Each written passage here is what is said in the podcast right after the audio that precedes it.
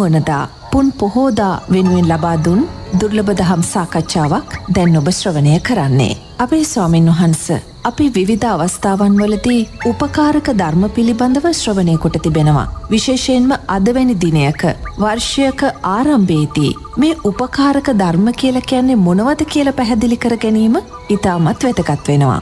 උපකාරක ධර්මයන් කියන්නේ දැම්මං මීට මොහොතකට පෙරාතුව දාන පූජා කලා වෙලාවෙත් මංකුව ඔබලා දන් පූජා කිරීමෙන් මහා සංගරත්නය අරමුණු කරගෙන උපකාරක ධර්මයන් සිද්ධ කිරීමෙන් ජනතාව අරමුණු කරගෙන උපකාරක ධර්මයන් සිද්ධ කිරීමෙන් රැස් කර ගන්නා උපින් කියලා. එතොට එතෙන්ද උපකාරක ධර්මයන් කියලා දැ ඔබලා මේ මොකක්ද කරන්නේ? මේ උපකාරක ධර්මයක් කරන්නේ? කාටද? මේ රටේ ජනතාවට.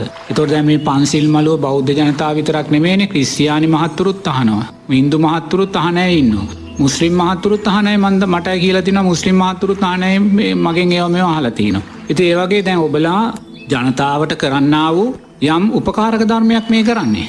බුදුරජාණන් වහන්සේ දේශනා කරනවා නෝනා යම් පින්වතෙක් කෙනෙකුට ආහාර දුන්නනං ඒ කැන ආහාර පූජා කලානං. එයා ලබන්නේ බලයයි කියලා. තෙනද ආහාර පූජා කිරීමෙන් එයා බලය කියන කාරණය පෙරලා ලබනවා.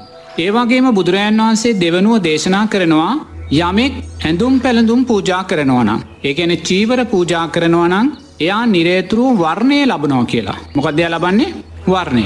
එකන දැංගෙහිනම් බලන්න අපේ රටේ බලය ලබාගත්තා වූ බලවත් පිරිසින්න වනේ සරිර ශක්තියෙන් බලවත්තා ඉන්නවා. එතකොට බලය ලබා ගැනට මොකක්ද ඒගොල දීලතින පෙර ජීවිතේ. දානය දීලතිනවා. ආහාර දීලතියනවා. එතකොට ඒවගේම බලන්න අපේ රටේ අප්‍රමාණ වර්ණයෙන් වර්ණ සම්පත්තියෙන් බබලනා ඉන්න.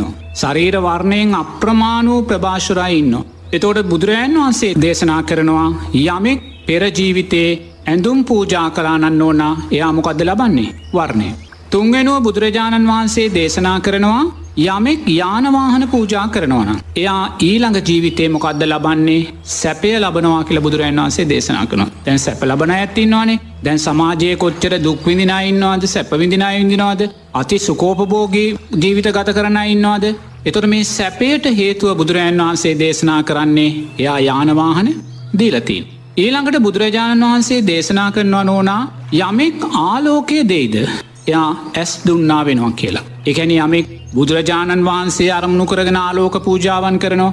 ඒවගේම සංඝයා උදෙසා විහාරස්ථානු දෙසා ගෙවල් දොරවල්ලු දෙසා ආලෝකයෙන් පරිත්‍යාගයන් සිද්ධ කරනවා දැන් කෙනෙක් ඇවිල්ලා අපිට කුටියකට භූමිතෙල් කාලා ගෙනත් දෙනවා. එතොටේ ලාන්තෑරුම් පත්තු කරන්න භූමිතෙල් කාලා. එතෝටයා මොකක්දේ දුන්නේ. ආලෝකය අපිට පූජා කලා ඉන්නයාට ලැබෙන්න මොකක්ද ඇස් ලැබෙනවා කියල බුදුරන් වන්සේ දේශනා කන. පෙනීම ලැබෙනවායාට. පෙනීම දුර්වලෑයට බුදුරන් වන්සේ දේශනා කරන පහන්නාලෝකයන් පූජා කරන්න කියලා. අපිට කවරු හරි ගිනි පෙට්ටියක් ගෙනල්ලා කුටියකට පූජා කළොත් එය ආලෝකයක් එ එයාට පෙරලා ලැබෙන්නේ මොකක්ද ඇස් ලැබෙනවා තියවුණු ලස්සන හොඳින් පෙනෙන ඇස් දෙකක් ලැබෙනවා කියලා බුදුරන් වන්සේ දේශනා කන.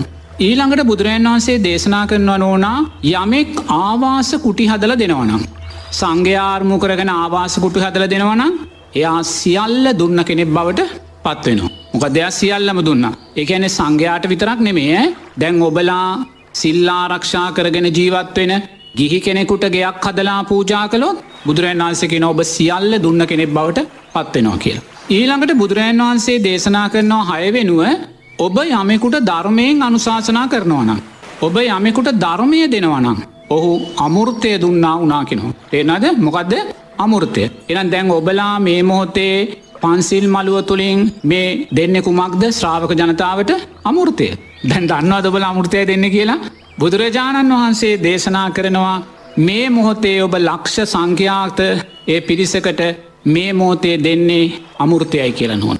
එතකොට එනම් බලන්න අමුෘතය මේ මොහොතේ ඔබලා ලෝකයාට දුන්නත් නෝන මොකක්දෝ හේතුවක් නිසා ඒ අමුෘතය ඔබලාට දෙන්න වෙලා තියන්නේ වතුර කලවන් කරලා. පිළිගන්නවාද ඔබලා අමුෘතය තමයි දෙන්නේ ධර්මය දෙන්නේ මම ධර්මයෙන් අනුශාසනා කරනවා. නමුත් ඔබලාට අමුෘතය දෙන්න වෙලා තියන්නේ ආයතනයක් හැටියට ඔබල ආයතනයට නෙමේ කොයි ආතනයක් එක හේතු පල ධර්මයක් දෙන්න වෙලා තියන්නේ නෝනා අමුෘතය වතුර කලවන් කරලා. නමුත් ඔබලා දක්ෂ වෙන්න ඕනේ වතුර කලවං කරලා දුන්නත් ඔබලා දෙන්නේ අමුෘතය කියන කාරණය හිතලා සතුටුවෙන්. මං වතුර කලවන් කරලා දෙනවා කියල කාරණය මොකොද කිව්වේ ද ඔබලා මේ පන්සිල් මළුව සමාජර දෙනකොට අනිවාරෙන් මේකට වෙළඳ දැන්වීම් ඇතුළත් කරනවා. ඒ වගේම අනෙකුත් වැඩසටන්වල විස්තරයන් ඇතුළත් කරන.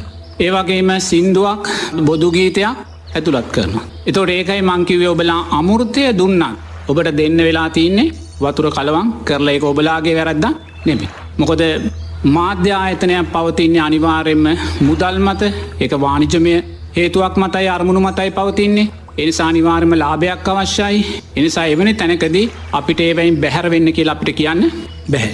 ඒවයින් බැහැරවෙන්න කියන කාරණය අපිට කියන්න බෑ අනිත් එක මාධ්‍ය අතර බලවත් වූ තරගයක් සමාජය තිය. ඉතිේ තරඟකාරී තත්ත්වය තුළ අමුෘතය පමණක් ඔබලා දෙන්න ගියොත් ආයතනික වශයෙන් ආර්ථික වශයෙන් ඒවා බිද වැටීමට ලක්වෙන. එනිසා නිරේතුරුවම දක්ෂ වෙන්න හිතන්න අමුෘතයයි ඔබල දෙන්නේ ඒ අමුෘතය දෙද්දි ඔබලාට සිද්ධ වෙනවා හේතු පල ධර්මයන් නිසාම අනිවාර්යෙන්ම ඊට වතුර කලවන් කල්ලා දෙන්න. මොකද මටත් එක එක්කන සමල්ලාට කියපු අවස්ථාතියන ස්වාමීන් වහන්ස. පන්සිල් මලු යන වෙලාව දැන්වීම් ගොඩා යනවා කියලා. එහෙම කියපු අයි තින්න. නවතුතේ මනං ඒකට වරද්දක් දකින්න මටනම් පුළුවන්කම මට දකිින් කොදේක ඇලීම් ගැටීම් දෙ අතර හිර වෙලා දැක්කොත් ඒ අපිට වැරද්දක් කියලා දකින්න පුළුවන්. නමුතින් මෙහා ආයතනයක් පවත්වාගෙන යන්නේ මුදල් මේ හේතුන් මතයි එනිසා දරුව අපිට ඒවා වැරදිී කියලා මටනං කියන්න පුළුවන්කම නැනමුත් තමන් දක්ෂ වෙන්න ඕනේ අමුෘතය දෙද්දී පුළුවන් තරං අඩුවෙන් වතුර කලවන් කරන්න. මොක මට මතකයි මන් දවසක් වාහනයකේ වෙලාව යන්නේ වාහනය යන වෙලාව එදා පන්සිල් මලුව දවසක් ඒ මහත්තයට මංග මාත්ත මේලා පන්සිල් මලුව ඇති කියල රේඩියක දානිකල මහත්ත රේඩියක දැම්ම. දාලා දැම් පන්සිල් මලුමං අහගෙන අද්දී එතන එක සැරේක නතර කරලා සිින්දුවක් ගියා. ඉති ඇත්වශයම මංගේ සිින්දුවට හරි කැමති සිින්දුවක් ගිහිකාලමං හරිම කැමති සිින්දුව අද්දී ඒ මහත්තයා මොකොද කළ එක පාටම රේඩිය එක වැැහවා පන්සිල් මලුව ආගෙන යන වෙලා එක පාටම රේඩියක වැැහවා. ඉතින් රේඩියක වහපු වෙලාවේ මේ ඉතින් මන් තේරුණා දැම්මයා රේඩියක වැැහුවයයි සිින්දුව යන නිසා. ඉති ඊටවන්සේ දැන් එයාම තීරණය කලා විනාඩි හතරක් වගේ ගිහාම දැන් සිින්දුව නතර වෙලා ඇති කියලා. ඉරස ඒ මහත්තයාම දැම්ම.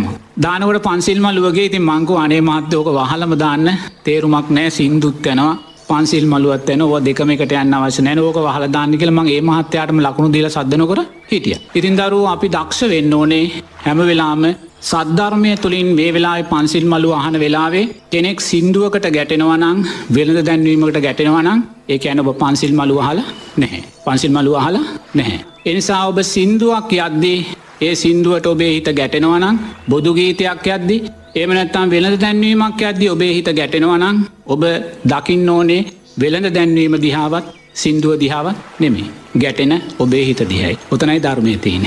ඒසා පන්සිල් මලු අහලා ඔබ ප්‍රයෝජනයක් ගත්තා කියන්නේ ඒ දකින අහනදේට ගැටිලා නෙමේ ඇලිලත් නෙමේ ඔබ නිරය තුරුවම ඒ ගැටෙන ඇලෙන හිත දෙස තමන් දැකලා ප්‍රශ්නය තියනෙ තමා තුළයි කියලා දැනගෙන ඒ ප්‍රශ්නයෙන් නිවැරදිවීම තමයි තමන් අමුෘතය ලැබවා වෙන්නේ. තේෙන්න්නද එම නැත්නම් අමුෘතය දුන්නත් ඔබල වතුර කල්හන් කල දුන්නත් ඔබ අමුෘතය ලබා නොගත් කෙනෙක් බවටයි නිරේතුරුව පත්වෙන්.